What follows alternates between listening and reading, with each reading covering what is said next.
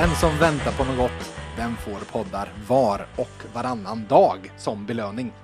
Ett fjärde VF Hockey på en och en halv vecka. Ni är att bra bortskämda allihop. Bortskämda blir ni även idag. För gästen jag har på andra sidan bordet, han hämtas från den finaste av gästkategorier. För det är med glädje jag säger välkommen tillbaka till VF Hockey till Färjestad-legendaren Rickard Wallin. Tackar så väldigt mycket. Nu verkar det som det verkligen har släppt här i både VF-hockey och alla ligor poppar upp till höger och vänster och börjar spela. Så det blir en härlig tid på året att få vara, vara här och prata med dig. Det är inte fel. Exakt, exakt. Eh, tredje året i rad, tror jag. Ja, Det är och Ja. vi har ju en stående punkt så ni vet vad som väntar er sen. Det blir en ranking av värmlänningarna i NHL. hoppas vi inte är riktigt lika överens som vi varit de andra åren. Utan, eh, det, det finns ju några stycken att, att prata om, men eh, mm, det blir spännande att se vad vi har för åsikter där. Vi var rörande överens i fjol så det nästan blev lite tråkigt. Ja, det kan ha varit en typ vi hade olika, Ja, exakt. något sånt. Så vi får väl se. Men eh, innan vi kommer till det så ska vi prata om en massa annat. Givetvis ska vi prata om Färjestad och så vidare. Där Rickard ju faktiskt har Ja, du har väl aldrig riktigt lämnat klubben för du har ju funnits med som ungdomsledare i några år här också men eh, faktiskt återvänt i en mer officiell roll som styrelseledamot. Men- Ja, det, det stämmer. Så nu, nu får jag ju eh, ytterligare en ursäkt att följa matcherna och eh, eh, vi pratade lite innan om, om hur man ska benämna när man pratar om Färjestad så är det ju vi för mig igen Just det. nu. Mm. Eh, lite mer officiellt eh, får jag lov att säga när man, när man det blir ju en konstigt om du inte säger vi Ja, precis. Så Mm. det, det känns ju väldigt hemtamt och, och det, då känns det som att jag behöver inte fundera utan det, det är ju trots allt mitt lag och laget i mitt hjärta. Det är liksom ingenting att, att hymla med. Så det känns eh, hedrande och spännande och, och eh, ja. Ehm, det är en stor, stor förening, det har jag ju fattat, men ehm, det, det är kanske ändå lite större än vad man tror med, med många saker, så det är väldigt intressant. Mm, det förstår jag. Vi ska dyka in mer på det eh, om en liten stund sen. Eh, men vi ska innan det så givetvis välkomna dig i podden med form av en liten associationslek. Så jag säger några ämnen och du säger det som ploppar upp i huvudet. Mm. Grönt eller vitt? Grönt. Grönt. Saddenmål. Ja, tack. Har, är det något saddenmål som ploppar upp? För egen del Ja, så... eller, eller bara något, ja men det kanske är, blir ett eget förstår jag som. Är det Växjö då eller? Ja, det, Ja. Den, den sitter ju på näthinnan, men även Modo året innan. Eh, Jag gjorde inte så många, och man får ju inte så många chanser att spela övertid och, och, och avgöra, så det är de som man tänker direkt på. Så annars så är eh, Greger Artursson såklart.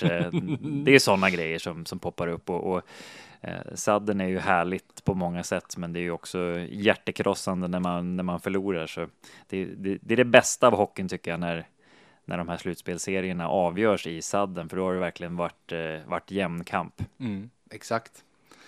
Du, eh, största tjuvnyp du blivit utsatt för som spelare?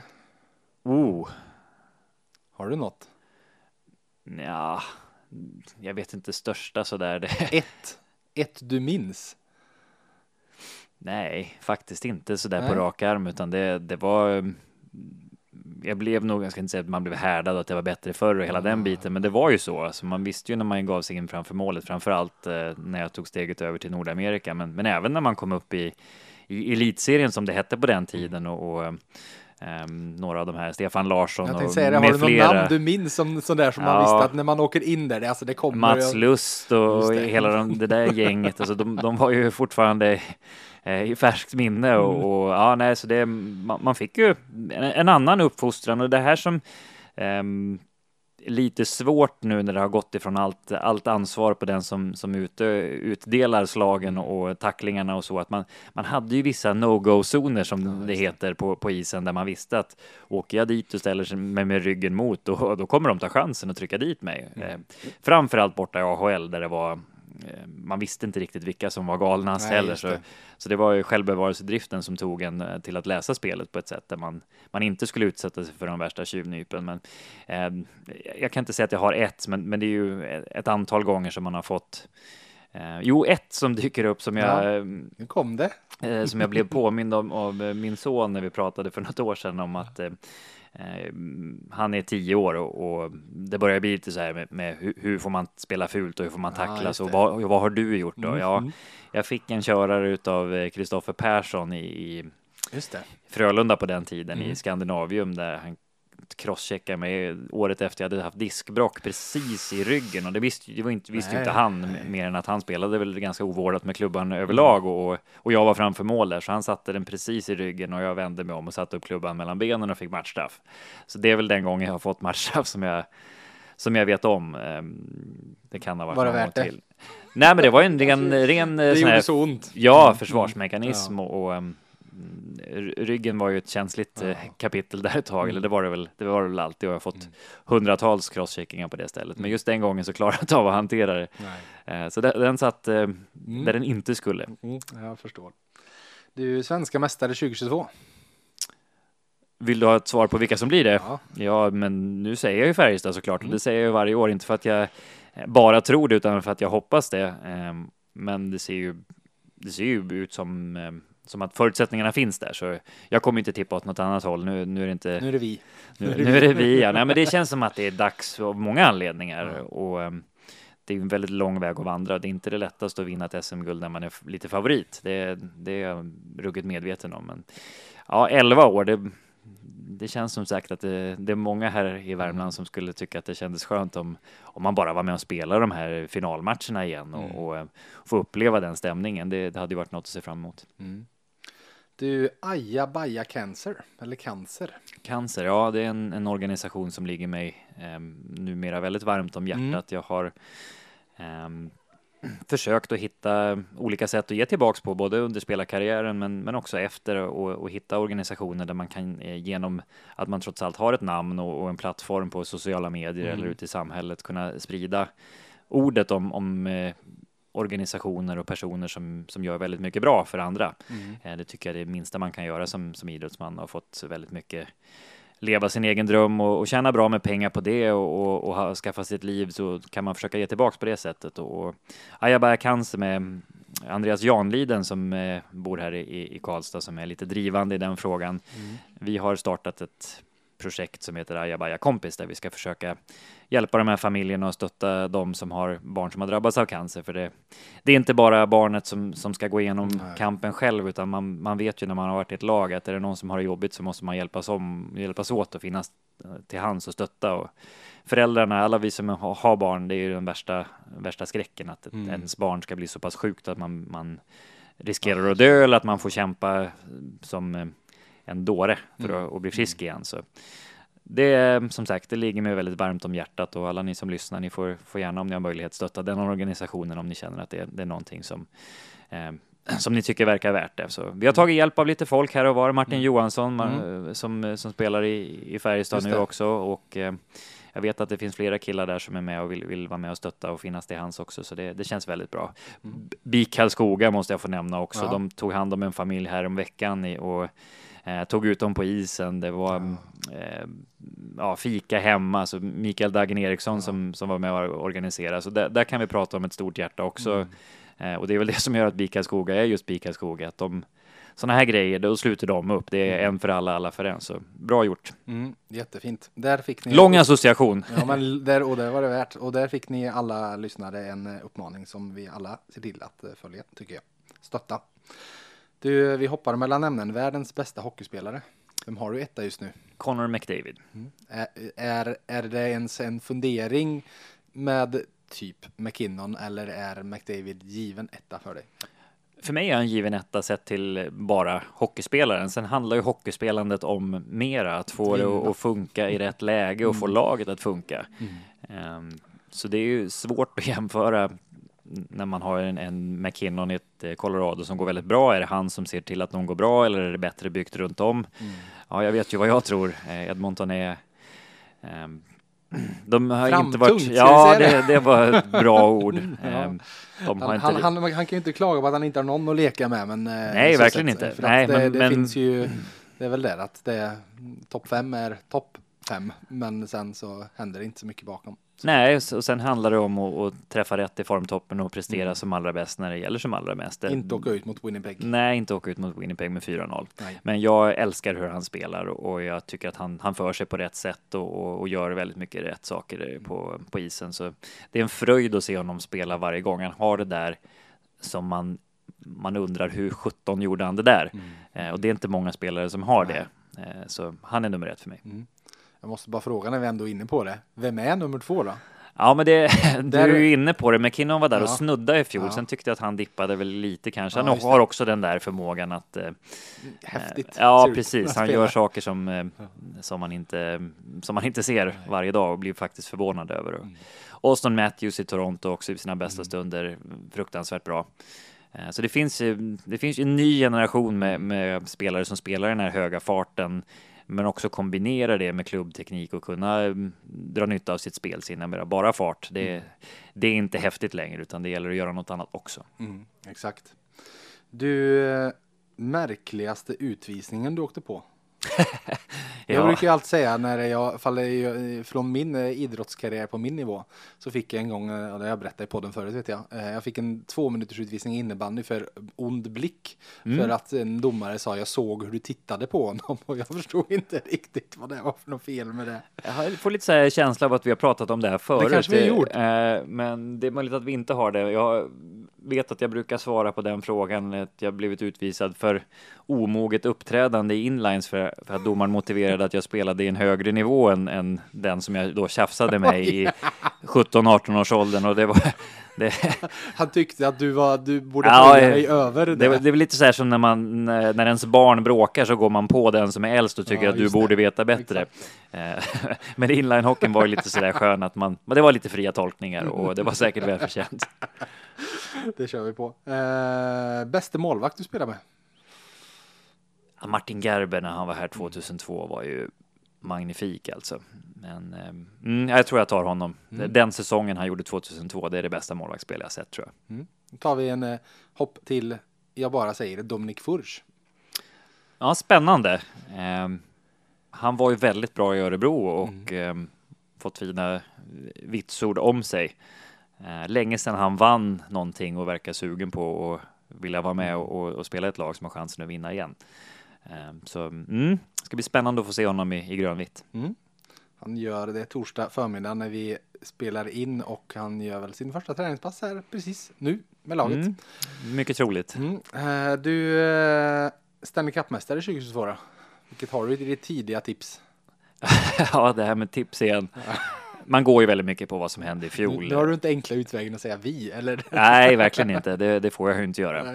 Eh, och ja, vad ska vi säga? Man kan ju inte gärna säga Tampa tre år i rad. De har blivit lite brandskattade, men de spelade imponerande och har ju byggstenar fortfarande. Så eh, kraften borde rimligtvis inte finnas där för en, en, en tredje år i rad. Eh, så det är ju Colorado som står lite grann och stampar där känner jag. Eh, nyfiken på om Rangers kan få ihop det bättre efter att ha bytt tränare.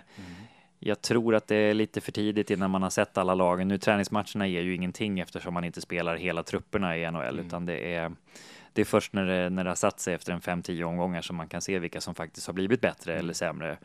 Ehm, ja, Toronto har jag ju tjatat om i många år, inte bara för att jag har varit där själv, utan de har ju ett väldigt potent lag, men jag ser inte hur de ska kunna komma över den där mentala spärren när de Nej. inte ens har kommit förbi första rundan här på gud vet hur länge. Så.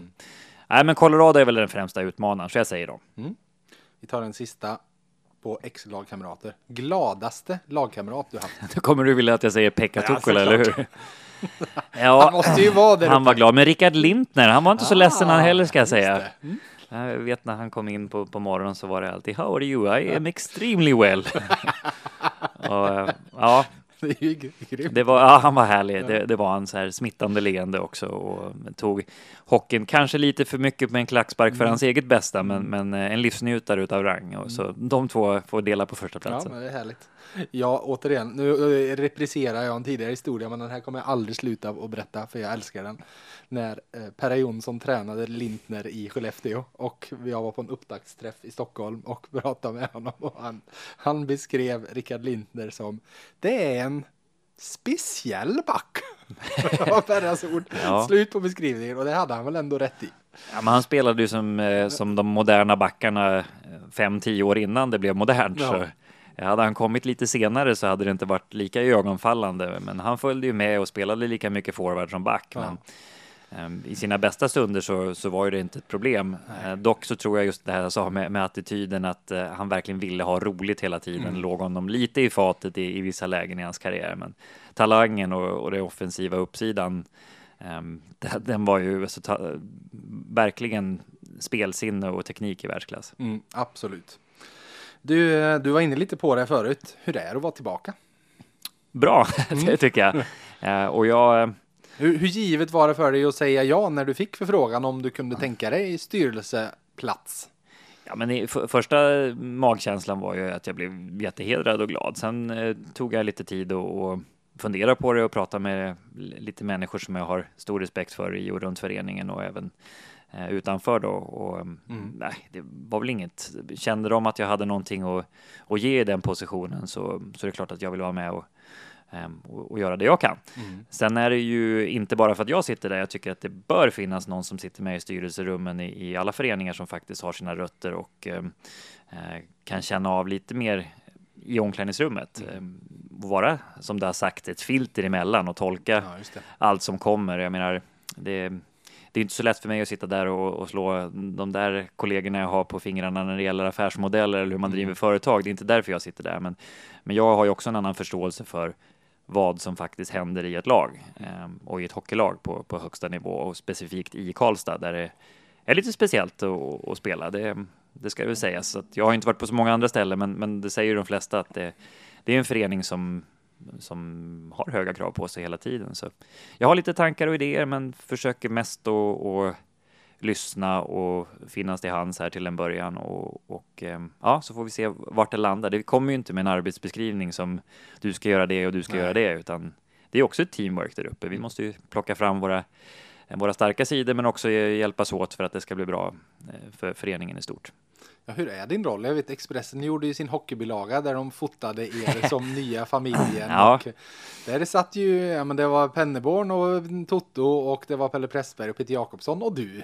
Ja, det är väl den enda gången vi har suttit ihop allihop så där sen, sen utnämningen och, och eh, det var fem minuter i, på den bilden. Mm. Eh, nej, men eh, jag har ju för, som sagt, jag, jag, kom in ganska sent i den rollen. Mm. Lagbygget är klart och, och hela den biten. Med, med det sagt så så finns jag väl till hands som ett, ett litet bollplank om, om jag behövs och också som um, så att de inte ska behöva lägga en massa kraft på saker som inte är deras jobb. Mm. Om det så är um, ja, vad det nu kan tänkas vara så ska det i alla fall inte behöva vara någon, någon distraktion med att behöva förklara för styrelsen Nej, vad som händer eller om det skulle behövas um, ja, men någonting med omklädningsrummet eller om ja, vad det nu kan tänkas vara så ska det väl det inte behöva vara eh, Peter Jakobsson som ska springa och, och, och be styrelsen om saker, då kanske det är lättare att han pratar med en ur styrelsen eh, som kan ta det vidare. Mm. Eh, så det, det, tror jag väl, för utan att säga för mycket så är väl det lite grundtanken i alla fall. Och sen,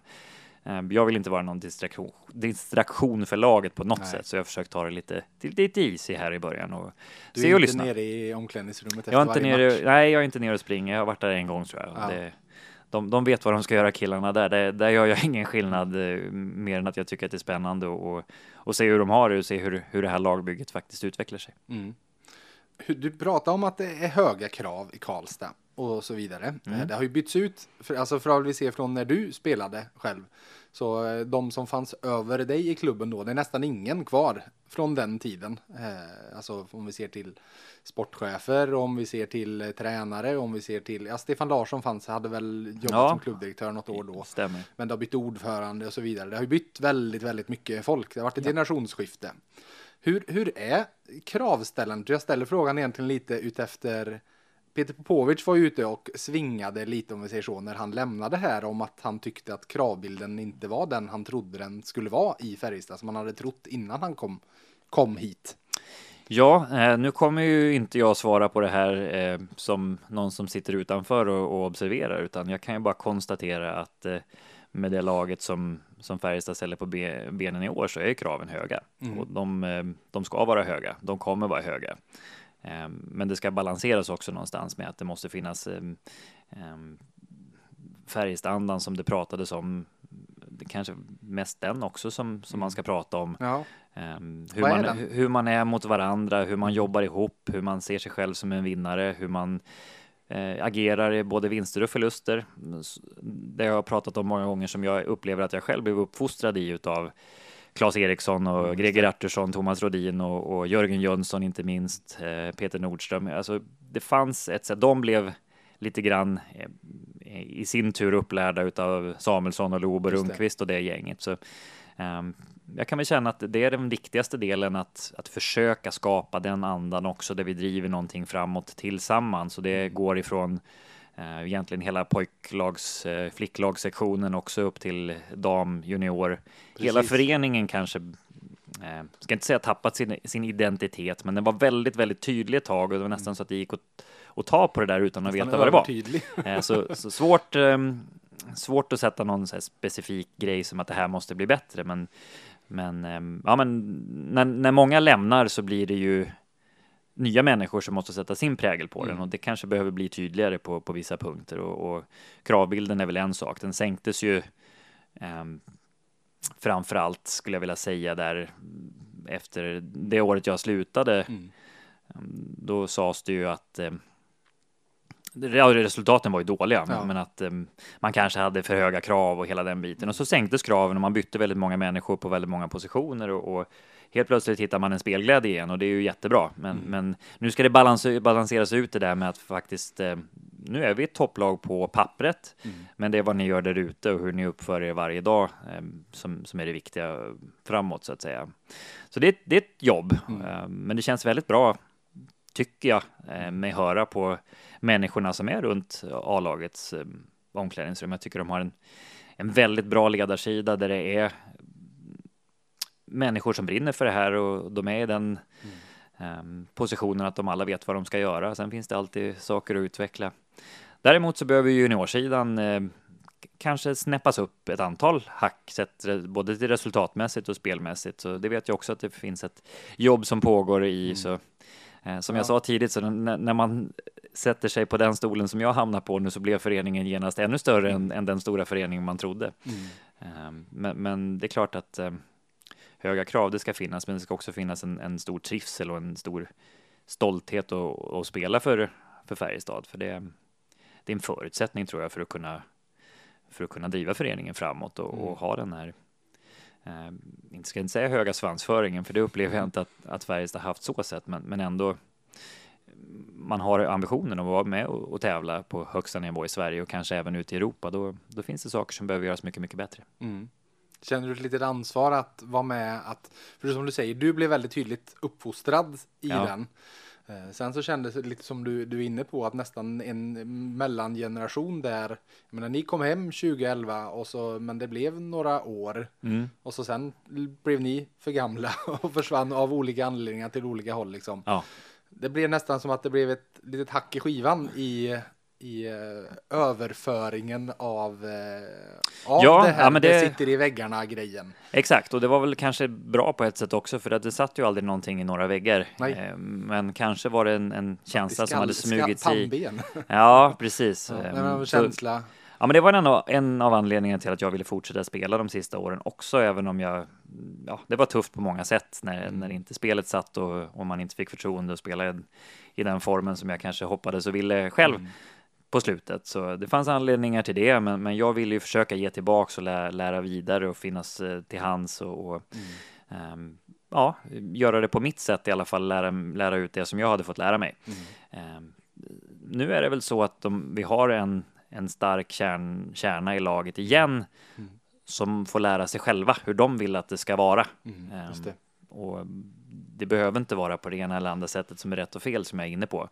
Men det var väldigt tydligt ett tag och jag hoppas att de är så tydliga mot varandra och orkar driva det på, på det sättet. För det är 17 i mig inte lätt att driva ett hockeylag framåt. Det är, ehm, man måste leva med det ehm, och, och verkligen brinna för, för att det ska bli bra i slutändan. För marginalerna blir så otroligt små när man kommer till den avgörande delen. Det, det är det som folk som inte har varit där har svårt att förstå, utan det är lite grann att man ska uppleva det själv och, och verkligen ehm, veta när man ska trycka av och på knappen under en lång, lång säsong och, och, och bygga på det här Ja, vi, kan ta, vi kan ta det du lyfter fram som med saddelmålet mot Mm, Växjö. Exakt. Alltså det, det är en sak, men det är lätt att glömma att ni låg under i matchen och var på väg att bli utslagna. Och det var, tror det var Jack Connelly som la en flippassning ut till Ja. Milan Gulas. Ja, vi ledde ju med som- 3-2 i matcher just den, Ja, eh, just- så det var match just 6 det, var just det. Just det, Mm, Men det så. kändes ju som Men att det var... ni höll ju på, ja, det höll på att bli 3-3 och ner till Växjö.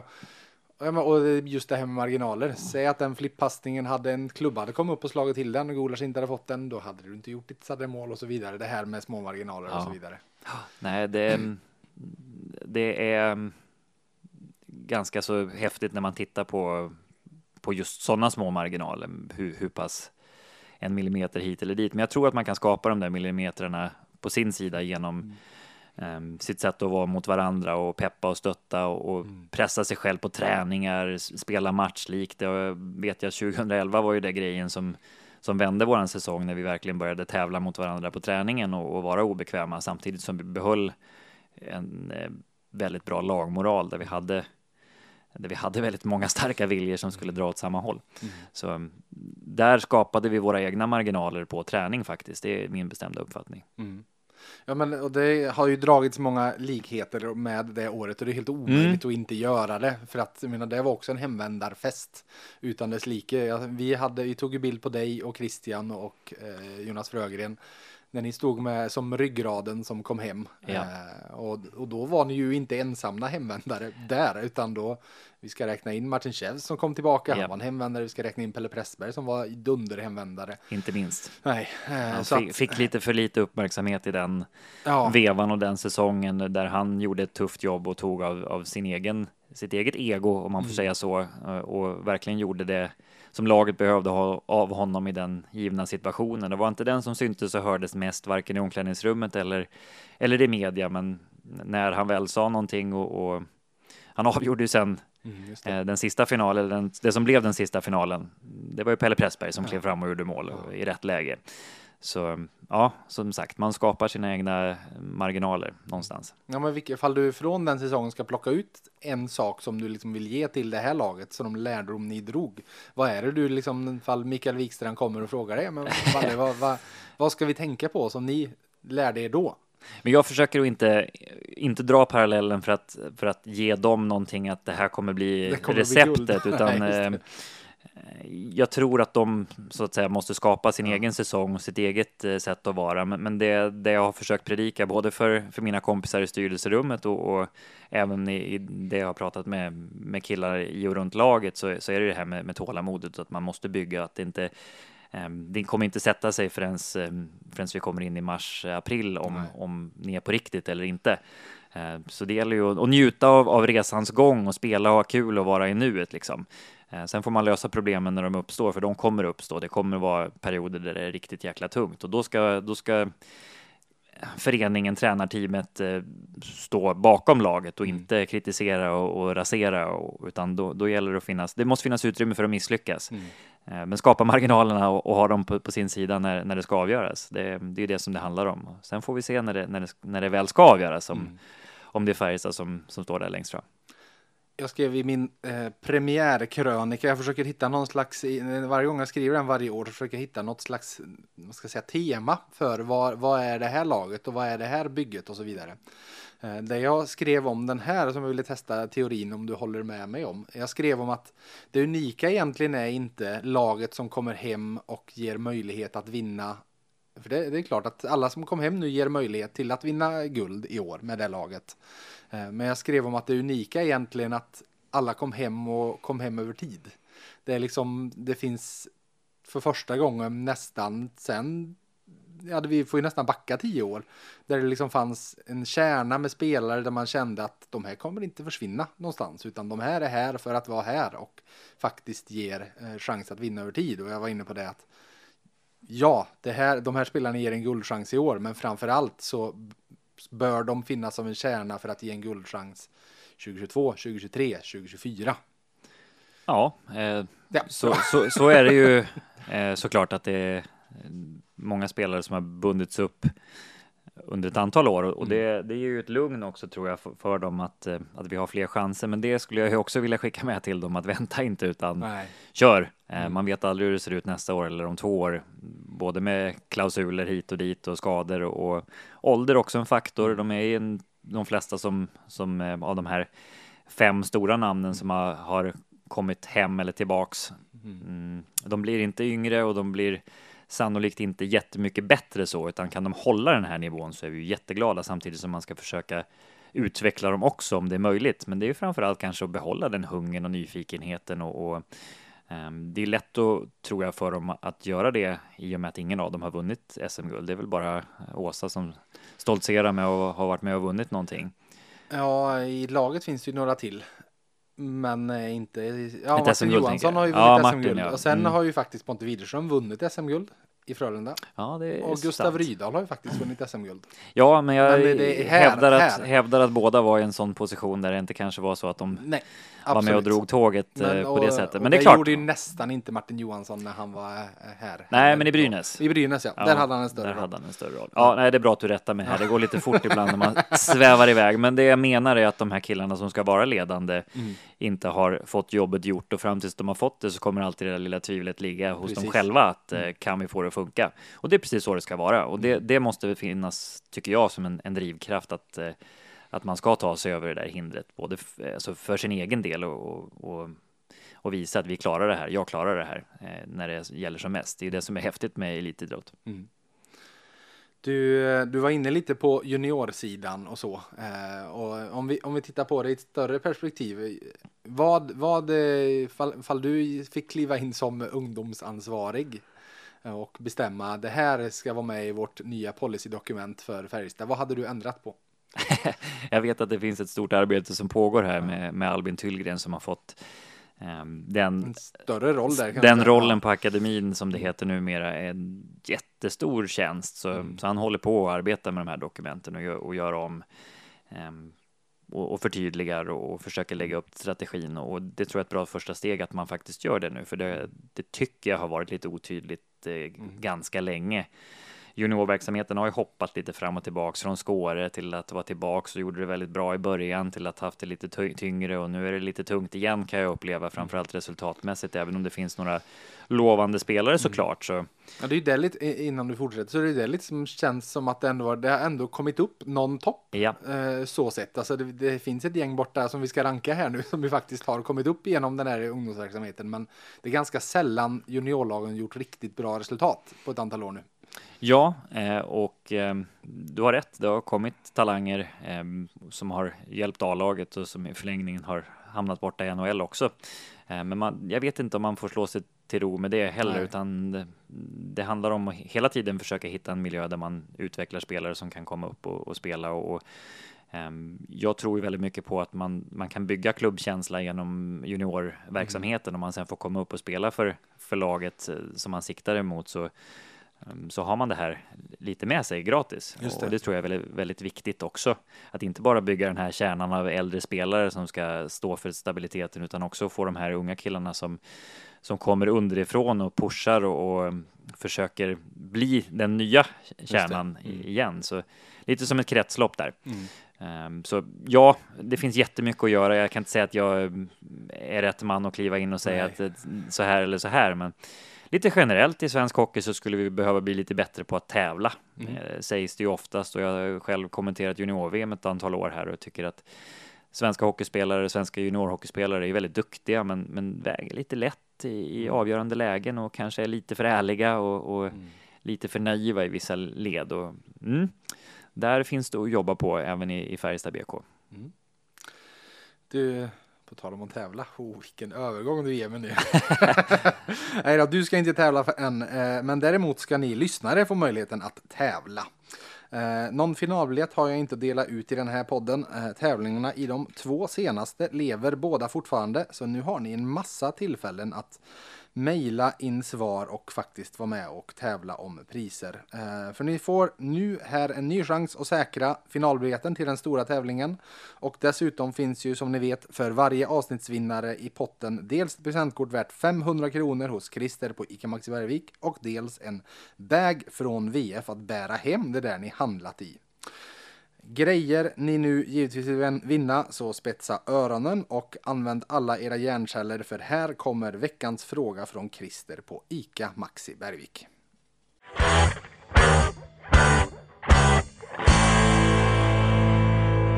Hej! Christer med personal här. Vi på Maxi Karlstad älskar hockey. Och kunderna förstås. Seattle Kraken är det 32 laget i NHL. Men vi undrar, vilket lag blev för några år sedan det 31?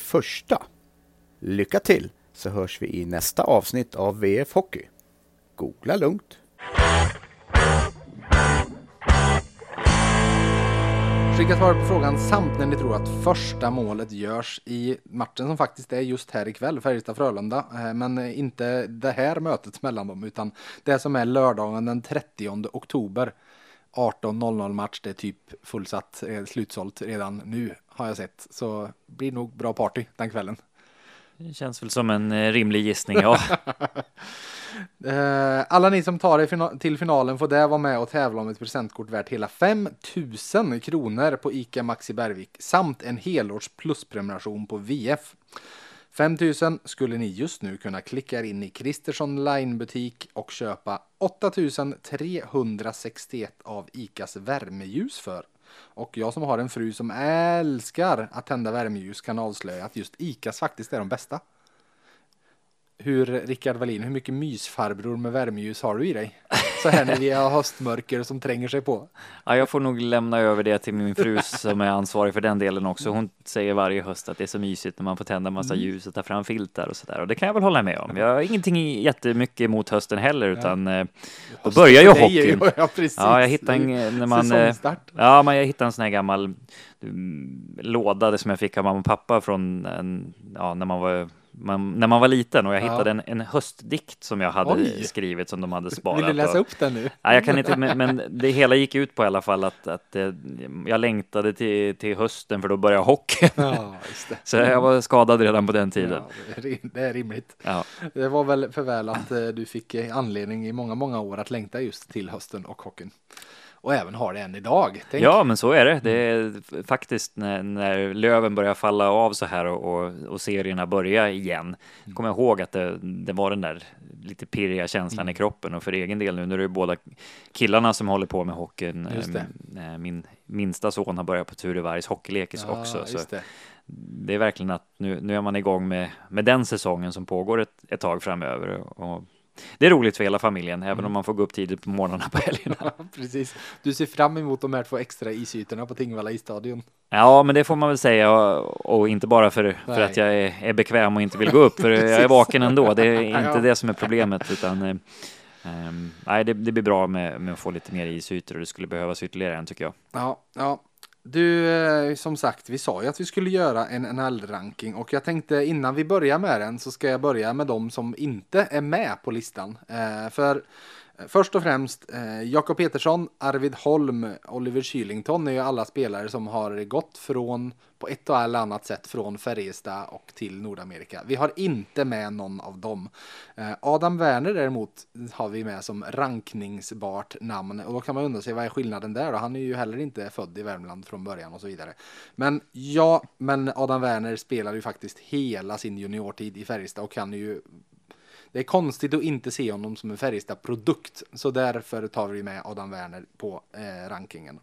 Ska även säga att den här gången tar vi inte heller med Oskar Klevom, lite sorgligt nog får vi ju säga. Eh, han har ju faktiskt egentligen kontrakt med Edmonton Oilers två år till, men spelade ju inte en match. Hur, hur, jag tänkte vi ska ändå adressera honom. Hur, hur ser du på hela situationen som han har? Jag förstår att han, han är ju hemma i Karlstad och jag förstår att du ja. har träffat honom här under sommaren eller och hela förra vintern när han var hemma. Ja, jag har fått stryk i padel av, av Kleva mm. ganska nyligen också. Så eh, rent eh, fysiskt så är väl operationerna gjorda och eh, det är rehabilitering som, som gäller nu. Och, eh, det är ganska tuffa grejer som har hänt med, med axeln mm. där, så han vet nog inte riktigt själv heller, även om han känns ganska liksom glad och positiv så sätt så är det klart att han är orolig och Edmonton är oroliga mm. också. Mm. Så vi får se helt enkelt. Det är smart val av Edmonton att ge honom den lugn och ro att eh, den här säsongen räknar vi inte med honom. Så Nej. får vi se. Eh, men det, det hade ju varit för jäkligt om, om han inte kunde fortsätta sin karriär mm. när han ändå är, är, om inte i sin prime så i alla fall nästan. Ja, exakt. Ja, alltså det för det är klart att det är en skillnad att spela paddel och röra på sig. Det är en annan sak att eh, med en, en opererad axel bli tacklad av en 110 kilos bjässe i sarghörnet. Tänker att det är det som är problemet, att han har ju spelat och haft ont och känt att jag kan inte gå fullt i, i alla situationer och, och, då, då är det svårt att göra sig rättvisa. Mm, absolut. Så vi eh, har därmed, i och med att han inte spelar någonting hela förra säsongen så har vi inte med Oskar Klebom i rankingen. Eh, utan därmed blir det nio spelare som vi ska sätta och vi går givetvis för att hålla all spänning på topp nerifrån och uppåt. Så Rickard, vem har du på nionde plats? Eh, börjar med Olle Eriksson Ek som eh, är tillbaks för tredje året i Nordamerika. Mm. Spelade en del i AHL i, i fjol ändå, så känner att det är kanske lite orättvist mot Olle att ha honom längst ner på rankingen, men samtidigt så eh, det är en bit upp för målvakter och, han har haft det lite brokigt sedan han kom över. Eh, hoppas att det här är säsongen där det lite grann vänder. Det finns väldigt stor potential, mm. tycker jag, i Olle om han orkar ha det mentala att, eh, att vänta på sin chans och sen ta den. Mm. Ja, vi var ju inne på i fjol, då pratade vi om hur han hade fastnat i ECHL-träsket och ja, det är väl inte där man vill hamna när Nej. man åker över och ska försöka slå sig in i NHL helt enkelt. Eh, men eh, jag tror vi hade honom sist, för jag, jag har Olle sist även den här gången. Ehm, men som du sa, han fick ju faktiskt göra 15 AHL-matcher och det var snarare där han stod i fjol. Mm. Eh, och jag tittade lite på hur, hur det såg ut. De, de, det finns lite målvakter och det finns, för han kamperade ihop med en tjeck som heter Lukas Dorstal i fjol. Eh, som stod lite mer än Olle då. Eh, och det är väl det här, Olle är draftad 2017 i femte rundan. Han, eh, Dorstal är draftad 2018 i tredje rundan. Sånt där betyder ju givetvis saker absolut. där borta. Ja, så är det. det är, målvakterna har de absolut otacksammaste rollerna också eftersom det bara är en som spelar mm. varje match såklart. Så gäller det att både spela bra och att laget vinner när man får chansen. Så, um, ja, jag hoppas och tror att det här blir säsongen där ändå Olle tar de här kliven framåt. Jag tror fortfarande på honom, men vad han har visat så här långt så är han eh, nia på min ranking. Mm. Eh, på åttonde plats så har jag satt eh, nykomlingen på rankingen, Oskar Bäck. Nu, nu börjar det. Nu börjar det. ja, eh, jag kan väl börja med hur, hur i mitt fall så förra vintern här. Jag har, jag har gillat det Oskar Bäck stod för i Färjestad eh, och eh, jag har ofta pratat gott om honom. Eh, tycker han har fått lite oförtjänt kritik för att jag tycker man måste sätta in i kontexten av vilken roll han faktiskt finns, fick och han har ju haft en extremt defensiv roll. Extremt ovanlig för en så ung spelare ska vi väl säga. Det är ju snarare dina sista år, då fick du den eller ta Erik Josefsson har haft den i, i Växjö i många år och så vidare. Eh, att det är snarare sådana spelare som får den. Eh, det började viskas lite förra vintern om att Oskar Bäck kanske kan vara på väg bort från Färjestad och då tänkte man först, okej, okay, han kanske ska till en annan SHL-klubb, att han hade känt att här har jag fastnat i fjärde centerfacket. Jag vill i alla fall testa att spela tredje center. Få lite mer offensivt och, och visa det. Eh, men ganska snart när jag började gräva i det så var det bara Nej, eh, han kommer inte vara, bli kvar i Karlstad, men han kommer att hamna i Nordamerika. Och jag blev lite förvånad först. Eh, jag tror Dallas, de behövde inte signa honom redan den här sommaren. Jag tror de kunde ha väntat ett år till och fortfarande haft rättigheterna. Det var inte tvunget. För Jakob Petersson var de ju tvungna att signa i år mm. för att behålla rättigheterna. Ehm, men eh, det känns ju som att att de valde att signa honom, att de valde att plocka över honom så har ju de kanske sett det här, det han, givetvis det är klart de har sett det, det han har gjort här och den rollen han har haft och känt att men det här kanske finns en NHL-framtid i en, den rollen just i Nordamerika och nu vill ha över honom. Hur tänker du? Ja, det bör ju sannolikt vara någonting sånt att man, man vill se hur han spelar på liten rink mm. eh, för att se om det finns någon, någon chans att, eh, att komma upp och spela på en högre nivå. Och jag, jag delar uppfattningen om att han gör det, har gjort det bra mm. i, i Färjestad, den kedjan eh, som, som han anförde var ju ofta, om inte tongivande, så i alla fall en som, som spelade lite över förväntningarna på mm. vad man hade på den kedjan. Sen kan jag tycka att han, ska inte säga bekväm, att han var bekväm, men att han hamnade i det facket delvis också på att han kanske inte utmanade sig själv på, på riktigt rätt sätt i matchen, utan han var nöjd med att ta den rollen och det, det. det är ju väldigt viktigt för laget, men det kanske inte är optimalt för en 20-åring att, att vara nöjd med att vara fjärde center och, och teka i egen zon. Så det skulle bli på ett sätt väldigt spännande att se hur han klarar mm. AHL och, och, och, man kan fortsätta utvecklas, för det tror jag att han måste göra om han vill spela NHL. Så han får gärna bevisa att, att han gör sig bättre på liten rink och att han har drivet och, och, och jaga NHL-drömmen. Det, men han får bevisa det för, för mig först eh, på, på den här rankingen för att komma högre i alla fall. Så mm. lycka till Oskar. Mm, mm. Sjunde plats. Är det en målvakt för dig där igen eller? Nej, där har jag Nej. faktiskt eh, Fabian Åh, vad härligt. Zetterlund. Vi har olika. Mm. Varsågod och ta, eh, ta, ta Fabbe. Ja, jag tror tyvärr för Fabian Zetterlunds del att han kommer lida av att Alexander Holtz har kommit över. Eh, om han nu stannar eh, och om han nu får spela i New Jersey. Han är ju rightskytt, eh, bra skott. Eh, tror inte att hans offensiv räcker till för att spela powerplay i NHL till exempel. Ehm, har haft, eh, tycker han åkte kanske lite för tidigt om man får vara kritisk innan han var riktigt färdig, utvecklad offensivt, men gjorde det trots allt lite bättre i AHL i fjol. Ehm, känns som att han är på rätt, rätt väg. Förhoppas att han får göra någon eller några matcher och, och ehm, kommer in och, och kan göra ett avtryck direkt. Han behöver vara redo när han får chansen, om han får chansen, upplever jag. Annars så, så kan det bli svårt att eh, ju längre han är där borta och chansen inte kommer så kommer det nya spelare som, som eh, blir lite mer spännande för NHL-klubben i New Jersey i det här fallet som har haft väldigt många höga draftval och har väldigt mycket unga spelare så det är lätt det är svårare för en, för en annan ung spelare att också få chansen att komma in. Så, ehm, står och stampar lite grann även om det var ett steg framåt i fjol, så, så känner jag. Mm. Jag har satt eh, Fabian som sexa, eh, men lika bra jag pratar, det det jag tänkte kring honom och kring rankingen. Det- Jag måste ju säga, man undrar ju lite var karriären var på väg för honom förra hösten, eh, eller inte så lite heller, utan för han var i Vita Hästen först och det var ju nästan som att han inte, alltså nu var det ju en konstig, de kunde ju plocka in, alltså Marcus Sörensen var i Vita Hästen och dominera.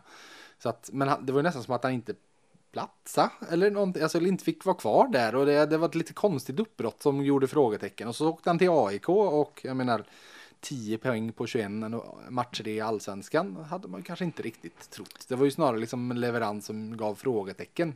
Ja, nej, men så, så är det ju. Men som du sa, det, så det ska jag ändå ha att Alltså man har ju alltid haft känslan kring honom från att man liksom, jag tror första gången jag såg honom måste varit TV-pucken när han avgjorde där och man bara, ja men Lillovetskin och så här som det. Alltså man såg ju en spelare i honom som det här ser ut som en som bör kunna passa nästan bättre i nordamerikansk hockey än i svensk hockey. Han gillar att åka och han gillar att skjuta och så vidare. Ehm, och som du sa, alltså 19 poäng på 34 AHL-matcher det är ju fullt duglig produktion liksom. Eh, men det är ju det. Det är sista året på kontraktet nu på det rookie-kontraktet. Så att det, vad, vad tror du kommer krävas av honom det här året för att New Jersey ska tycka att jo men vi vill ge dig ett, två år till på på att fortsätta utvecklas. Jättebra fråga och, och man måste väl också ställa sig frågan om det är bra för honom att vara kvar i organisationen om det är så att det inte har hänt i år. Om man har varit i AHL hela säsongen Ja. och inte liksom varit nära. Så. Så jag, jag vet inte riktigt vad som skulle kunna krävas där, utan jag tror att då skulle han må bra av ett miljöombyte och komma till en ny organisation. Ja. Ju längre man är där borta, som sagt, i samma, eh, samma organisation så är det svårare och svårare, upplever jag, även om de gillar spelaren i fråga så blir man ju satt i, i olika fack och, och, och hamnar i kön på något vänster. Och, och, ja, jag, jag hoppas att jag har fel, men jag ser det som kanske ett litet långskott att han ska få spela NHL-matcher i år. Um, Men med, med det sagt så upplever jag att han, det man har läst i intervjuer och, och hört på, på, um, på sommarträningen sett, här. har sett honom i bilder i bara överkropp. Ja, nej, men inte det heller, utan man, man hör ju gänget som Ja, kör här ja, nere så precis. verkar han, eh, ja, men han verkar laddad och, Ja. och verkar ändå liksom tycka att det var lite positivt i, i fjol och, och är sugen Mm. på att åka över och visa. Så det är bara att göra det och, och hoppas att det går bra. Mm. Du, eh, på sjunde plats, eh, du hade ju Fabian som sjua, jag hade Adam Werner som sjua. Ja, men då bytte vi plats Då på de två. plats. Gud vad härligt. Eh, och alltså, det känns ju lite som spelare, Adam Werner kanske ett år längre fram i eh, där vi nu har pratat om Fabian Zetterlunds utveckling. Så sett, alltså precis det här att det går fort från att vara, vad ska jag säga, the next big thing eh, till att bara vara ja, forslas bort om man säger så i, i, för dem. Jag menar, det är två år sedan Adam Werner fick NHL-debutera och stå två matcher och han kom in och var jättebra. Eh, Han höll nollan var först när han hoppade in tror Ja. jag och sen så fick han stå en match efter och sen så kom de andra tillbaka och så var han borta och så och sen nästa förra säsong. Det är någonting med Vita Hästen, jag vet inte vad det är. det, det var ju samma sak där, han inledde säsongen där och blev ju nästan andra målvakt i Vita Hästen de fick inte stå så mycket och de hade en annan som var jätteduktig.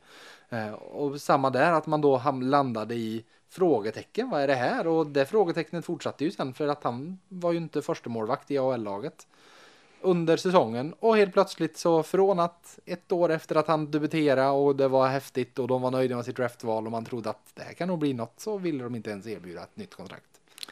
Nej, men få chansen att komma till Calgary nu då. Ja, eh, och exakt. Få en ny start där. Så det är precis det, det du sa där ja. och du nästan såg med Fabian. Där, där är Adam nu. Där är han och återigen som vi pratade med Olle Eriksson Ek där i början att målvakter är ännu mer speciellt att eh, mm. det är så otroligt viktigt att få spela, mm. få komma in och ta chansen i rätt läge och inte bara spela bra utan även få laget att vinna. Så um, han har en chans nu i, i Calgary att um, förhoppningsvis få spela några matcher där i AHL och visa.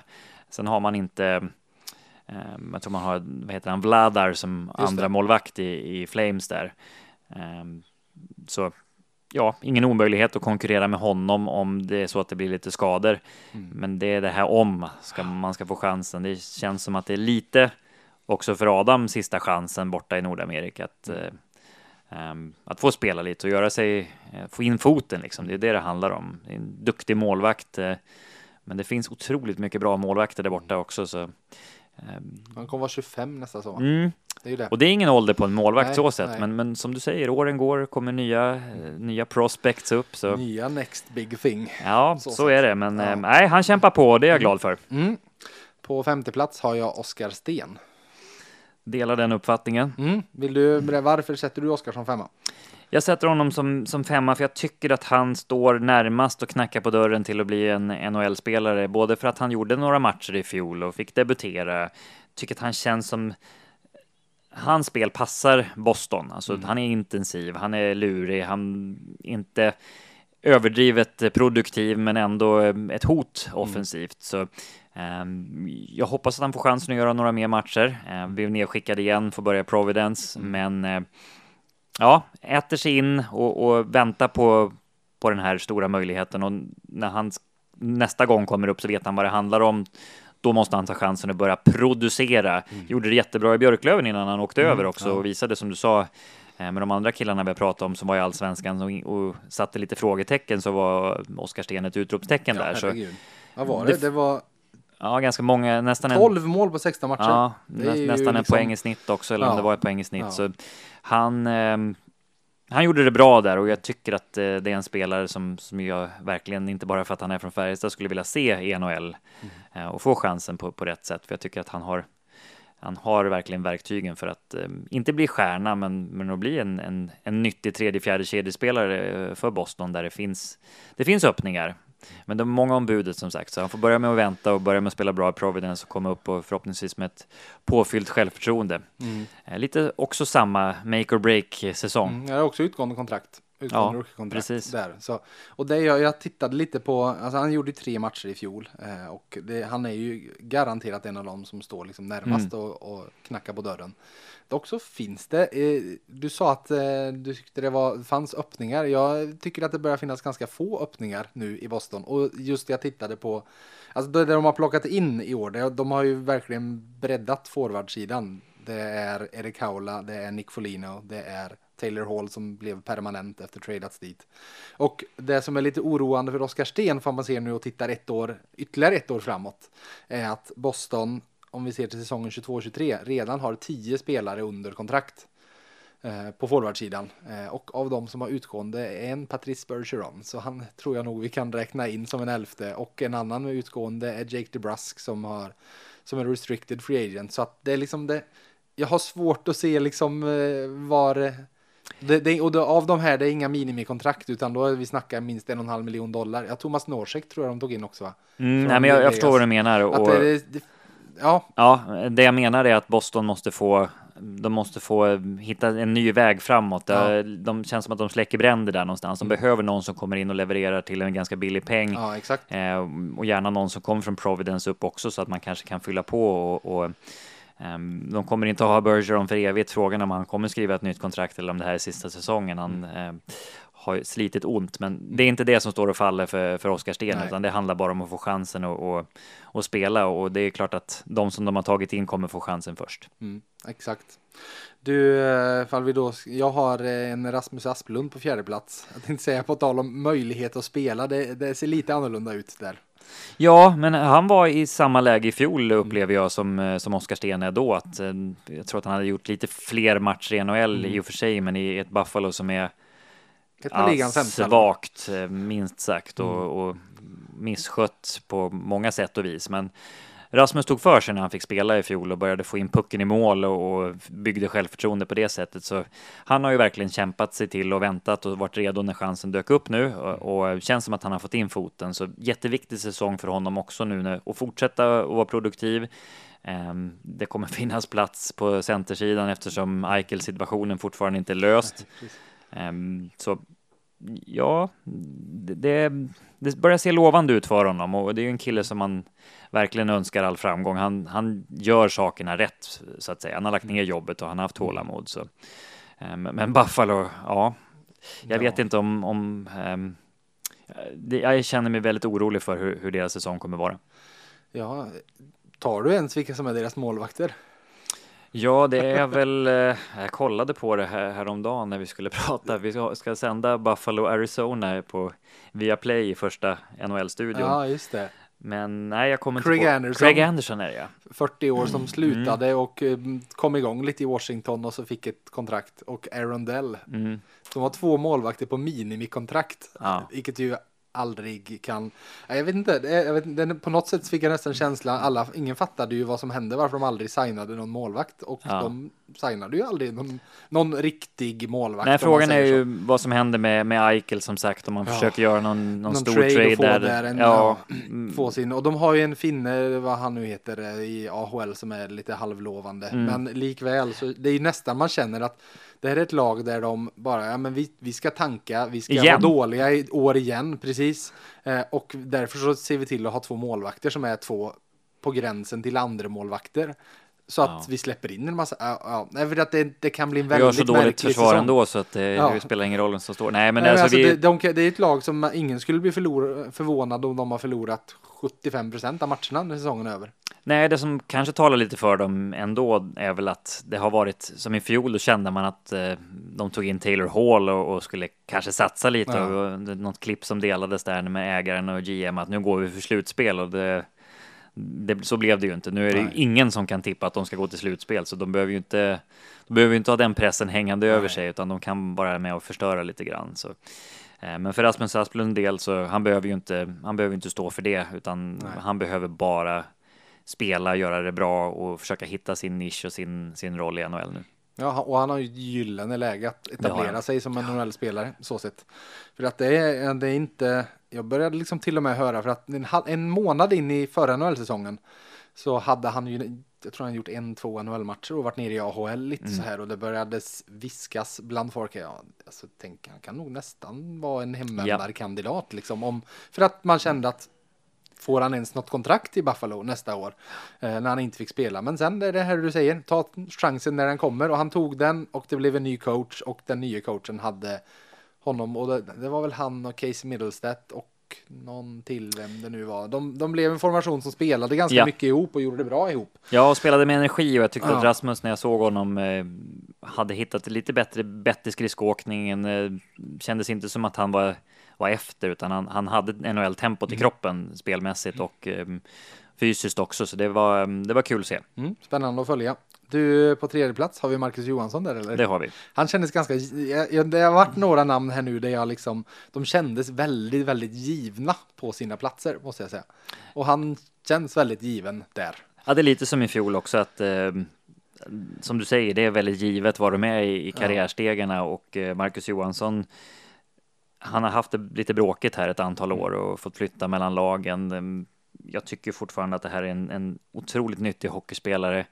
Jag tycker att det är ett smart val av Seattle att ta in honom och hoppas att, ehm, att han får komma in i en roll där, där, där han känner att han trivs både med familjen och, och ehm, som spelare och får, får utnyttja sina styrkor. Det, det är liksom en, han har ju varit en halv poäng spelare per match plus i Washington och lite minus sen han lämnade Washington. Ja. Och kan han vara en halv poäng spelare plus igen så är ju Seattle jätteglada och Marcus är ju för, för bra för att vända hem till SHL tycker jag. Så jag är glad för hans skull att han ändå um, hittade en lösning och få, få vara kvar där borta. Mm, exakt. Jag pratade ju med honom där efter, efter han hade signat med Seattle så eh, pratade vi en lång stund och han, han hade ju som du säger brokit med skador och bröt ju till och med armen mm. som avslutning på förra säsongen eh, och var väldigt tydlig med att jag behöver en omstart för vad är det nu det här är sjätte klubben på sex år tror jag det blir för honom. Ja, det är Washington, New Jersey,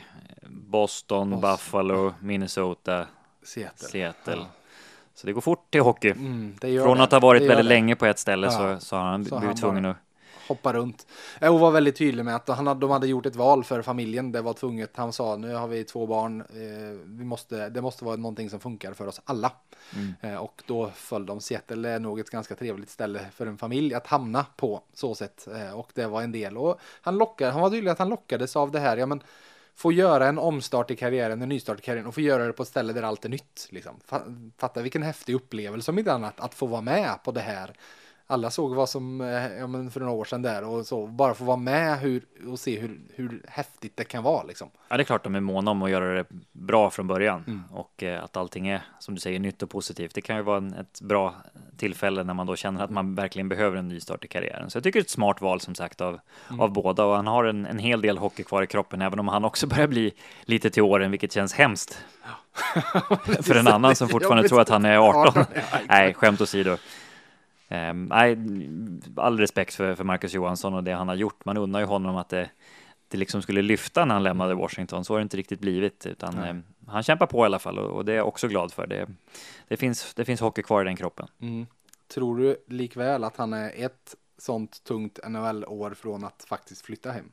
Han medgav att det i somras var liksom det närmsta han har varit att göra det. Att han liksom den här gången så fanns de tankarna i alla fall liksom. Jag tror att det det är klart att eh, tankarna fanns och uppsidan så länge Martin spelar i mm. Färjestad, eh, jag vet hur, hur nära de är, mm. var ju också en del som tilltalade honom att eh, vet inte hur länge Martin spelar och får spela ihop. Jag hoppas att om det känns som att han är färdig där, man kommer väl till, till en punkt där det inte känns som att det är värt det heller. Han har varit mm. där borta väldigt länge. Då hoppas jag att, att han känner att han har något att ge och kan tänka sig att spela i Färjestad. Mm. Ehm, för jag tror att han han vet ju att familjen trivs här. Mm. Jag vet att han ehm, tycker väldigt bra om Färjestad och skulle vilja visa upp sig på, på hemmaplan innan han lägger av om det blir läge för det. Men man måste vara i nuet också, så det här mm. blir ganska spekulativt ja, känner jag. Ja. Det, som sagt, jag, jag, tror att det finns, om skadorna håll, kan hålla sig borta och han får frisk så finns det väldigt, väldigt mycket hockey kvar i honom. Mm, absolut. Då är vi inne på Minnesota då, som han lämnade. Eh, ja. För nu är det Minnesota i topp. Vem har du satt av som eh, nummer två? Det är kronjuvelerna kvar här mm, då, mm. Eh, i den värmländska hockeyn. De var också och, eh, ganska givna som etta och tvåa får vi väl säga. Så det var de. Ja, när Oskar Klevbom inte har kommit till spel ja. och Marcus Johansson har varit skadedrabbad så är det de här två som är kvar som, som våra stora värmländska stjärnor och det är ju inga dåliga stjärnor, absolut inte. De är underskattade båda två. Ska vi säga att det är Joel Eriksson Ek och Jonas Brodin vi pratar om bara Ja, jag skulle, skulle. precis. Nej, jag skulle komma till det att ja. båda är ganska underskattade, ja. så det är inte så självklart att man tänker på dem som, som NHL-stjärnor, men, men, eh, med sin personlighet som båda är ganska tillbakadragna mm.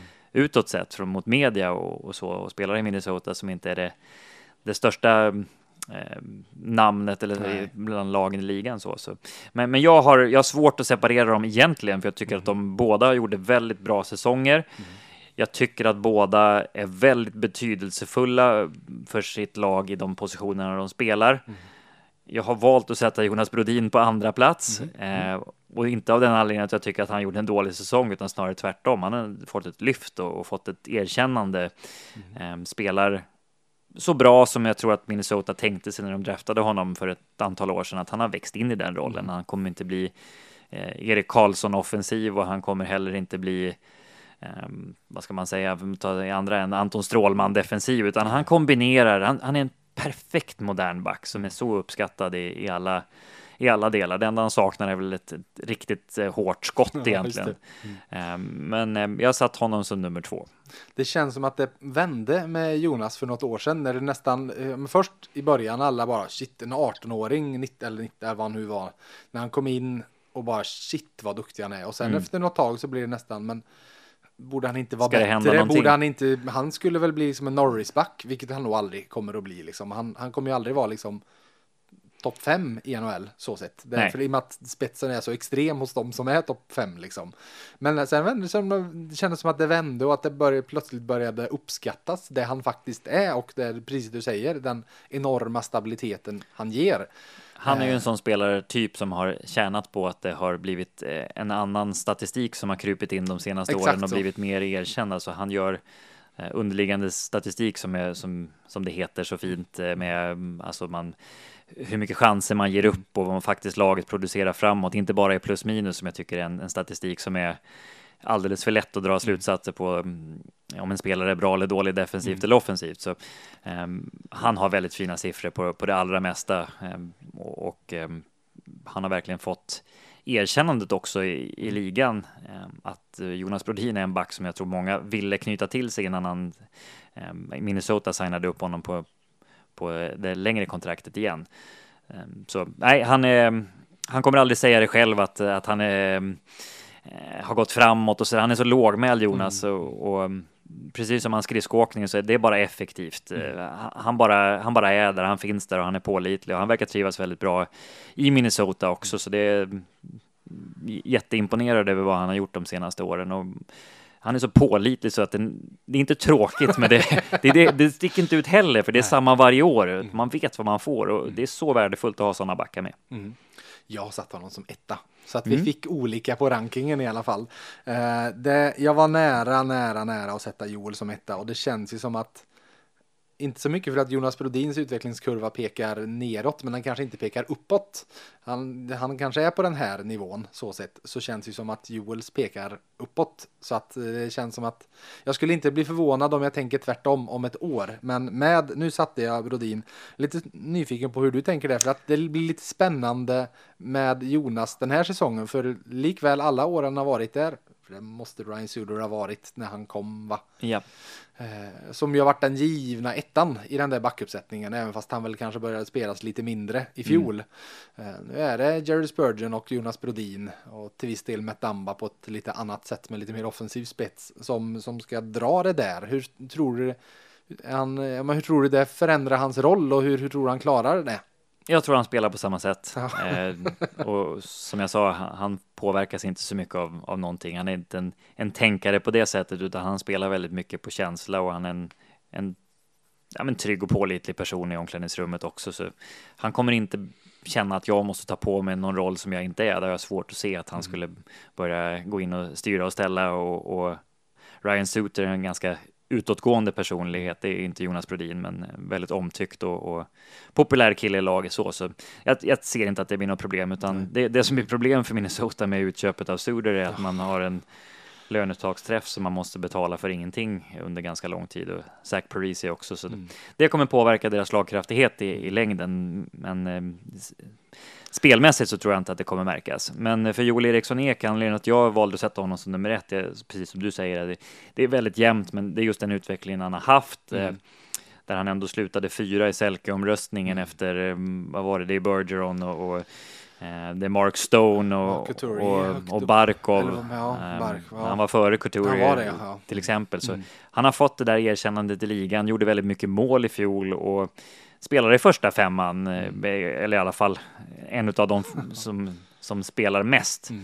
Ehm, och ja, jag, jag, jag älskar ju hur han har tagit sig an hela den här resan från när han kom upp i A-laget och byggt steg för steg utan att för, förhäva sig, eh, aldrig kaxig utåt, eh, förutom på isen när det är match och precis så det ska vara.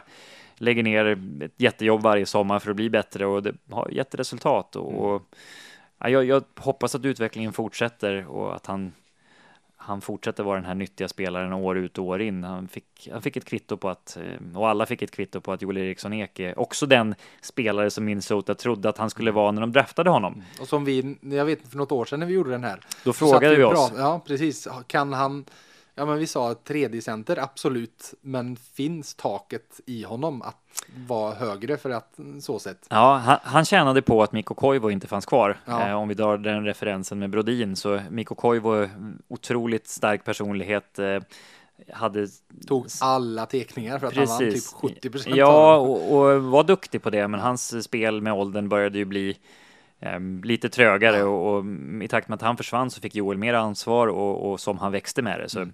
ja, jättekul att och se. Så vi började den listan med en Eriksson Ek på, på nionde plats och en Eriksson Ek på första plats Mm. Tänkte jag. Så Ja, det är det är bra att sy ihop det i Mm. poddformatet. Härligt. Men det är ju bara liksom det är tycke och smak mellan Ja. Brodin och Eriksson Ek tycker jag. Det kunde ha satt tvärtom också. Vi kan väl säga det, om de inte fick sitt erkännande som i form av Selke-omröstning och så vidare så fick han väl om inte annat sitt erkännande i form av kontraktet. Han fick Ja, ja. kontrakt, Ja. 5,25 miljoner dollar per säsong. Det är ju liksom Färjestads lönebudget för hela laget eh, som han drar in själv per säsong i åtta år framöver. Mm, det är väl eh, vä- väl värt och Mm, ett, det är eh, jättehäftigt. allting är ju relativt, men det här är ju väl investerade pengar för Minnesota också, sett till vad de kommer få ut. Det är jag ganska säker på. Mm. Och du med Jonas Brodin så var jag bara tvungen att säga att han är faktiskt uppe i 608 NHL-matcher redan. Eh, och nu börjar sjuårskontraktet ticka igång som han signade förra sommaren redan. Så att det, det kän- jag Han har också en hyfsad lönebudget och han, han, ja, huserar med. Ska vi säga 27 miljoner inspelat hittills. Och nu börjar då sjuårskontraktet värt 42 miljoner att ticka. Så ja, det, det är pengar som det är mer än vad man tjänar på VF och mer än vad man tjänar i det oavlönade uppdraget som styrelseledamot i Färjestad. Ja, men det är också det här som är, är kul när det är killar som har Mm. gått hela vägen genom eh, ja, Färjestadleden. Brodin är ju från Nord från början, det vet jag, men eh, det är så kul att följa de här killarna som som har, har gjort jobbet, har blivit bättre, man har sett potentialen, men de har inte slagit sig för bröstet utan de har fortsatt att bli bättre och, och eh, liksom inte inga kaxiga killar på, på sidan om, utan ja, jag, jag tycker de, de står med fötterna på, på jorden, egentligen alla på den här listan, Eh, men framförallt de i toppen här. Jag har sagt det många gånger när jag pratar med mina killar i, i team 11 då, som är 9-10 år, att Just det. det. Det är så viktigt att man funkar i ett lag och nästan min erfarenhet att alla de, de toppspelarna som jag har varit i kontakt med, det är otroligt få av dem som inte har varit de bästa lagkamraterna i laget, utan det är väldigt ofta som det går hand i hand för att man ska få chansen och, och ehm, få förtroendet i rätt läge i sin karriär. Så de är två otroligt bra förebilder både på och av isen, ehm, Brodin och Eriksson Ek. Mm. Absolut, absolut. Där hade det. Listan 9 till 1. Och då återstår bara att räkna från 10, 8, 6, 4 och ner till 2 när Rickard ska få tävla lite här igen. Trevligt. Ja, mycket. Eh, Du får ledtråden att det jag är ute efter är en hockeypersonlighet, alltså en människa som har med hockey att göra. Är du beredd? Så gott som. På 10 poäng. Fanns med i den reportageserie som var den första jag tillsammans med tre kompisar fick publicerad i VF. Vignetten till reportageserien var den första, den största och familjefadern. I intervjun blev jag fullkomligt blown away av personen alltså som jag söker, av hans uttal av general manager, vilket var general Manecher. Hade själv kunnat, om han hade fått den rollen i en klubb så hade det varit läckrast om han hade fått den i klubben där Högga gjorde 229 poäng på 199 matcher. Nu var det mycket ledtrådar. Var med i reportageserie, uttalade general manager general Manecher och hade han själv fått den rollen i en klubb hade det varit läckrast om det var i den klubb där Högga gjorde 229 poäng på 199 matcher. Nu är det pannan i djupa veck på andra Ja, sidan i, i bordet. vanlig ordning. Mm. Ja, 10 eh, poäng ska vara svårt. 10 poäng ska vara svårt. Jag har en liten sån där, Har du en liten aning? en Ja. liten chansning, men det är, det är inte så att jag är säker så jag får nog lyssna på åttan. Vi tar 8 poäng. Resan startade i Deje, slutade i HHC. Spelade 83-84 för Skattkärrs HC. Bara en sån sak. Ja, nu tror jag att jag... Nu vill Rickard Wallin svara på 8 poäng. Mm. Vi läser vidare på 6 poäng. För evigt i taket, trots att hans siffra används av flera spelare efter att han slutade. Bland annat en som han har en sån karriär att även han fick tröjan hissad. före personen jag söker. Rickard ler på andra sidan, känner Nej, sig jag trygg. känner mig- jag känner mig väldigt trygg. Ja, härligt. På fyra poäng. Bland poängnoteringarna i karriären. 58 på 21 för Rögle i tvåan. 115 på 64 för London Lions. En på fem matcher i OS dit han åkte som Forshaga-spelare. Och framförallt noll på fyra matcher i New York Rangers. På två poäng. Gus Forslund, eller Gustav Forslund, eller vad man nu ska säga, var först, men personen jag söker var den första som flyttade till Nordamerika enkom för att spela hockey från Europa. Tillsammans med Rickard Wallin är denne svenska hockeylegendar en av de åtta spelare som fått tröjan hissad i taket i Löfbergs Arena, trots att han var 26 år när han debuterade i Färjestad. Vem är det? Det är Ulf Sterner. Ja! Och jag hade tänkt skriva det på Du var tian. på tian? Ja, Oh. men eh, det kändes på uttalet det där. Det lät lite som Uffe Sterner. Eh, och den första, den största, det, Mm. ja. Ja, du förstår kanske vilka de andra eh, var i artikelserien. Han var ju då den första. Ja, den största. Loob. Var den största, med 50 mål. Och familjefadern då? Det här är ju alltså gjort när, ja vad blir det? Det är ju runt i, Eh, 2000. Glennert då kanske. Nej, utan då var det Jörgen Jönsson. Jörgen som vi gjorde. Jönsson, ja. Vi gjorde ett NHL-tema på att Jörgen, den var den första, den var den största och den tredje var en som hade kunnat spela i NHL om man ville. Men Ah. valde familjen och tryggheten för dem och valde att bo i Sverige. För det Förstår. kan vi väl slå fast att Jörgen Jönsson hade kunnat fått en betydligt längre NHL-karriär. Ja, ja, ja. ja Om han hade velat. Absolut, vilken, vilken spelare. Mm. Eh, så det är bara att tacka och ta emot för Färjestad BK att han var, var kvar. Men nej, Ulf Sterner, eh, kopplingen till, till att han skulle gjort det i, i Toronto vet jag inte däremot. Sa jag Toronto? Att han gjorde fyra matcher? Nej, att han, du sa på första där att han skulle varit läckert om han Jaha, gjorde det men i... du, det finns flera höga. Ah, Henrik Höglund, var har Henrik Höglund gjort 229 poäng på 199 matcher? ja, det... Nu är det Stjärnen. Det är ju nästan Sterner. Okej, ja, ja, ja, jag låste mig vid den andra hugget. Precis. Ja, nej, Henrik Höglund var det jag var ute efter. Ja, Eh, och sen som sagt, resan startade i Deje. Det var kanske, det var en fin ledtråd för dig. Eh, ja eftersom så jag sett. hade lite... Var inne på det spåret, ja. Sen Skulle varit kaxig och satt den på 10. Mm, det skulle du. Det skulle du. Ja, du, eh, men åtta poäng. Ja, jag är ju bara Ex- glad om att jag fick ett svar och att det var dessutom rätt. Det, är ju tacksamt. Det var en ganska snäll ändå, får jag säga. okej. Mm, Det har varit ja, värre. Det har varit värre, okej. Mm, är, det har så, så är det väl alltid när man kan någonting så känner man att det...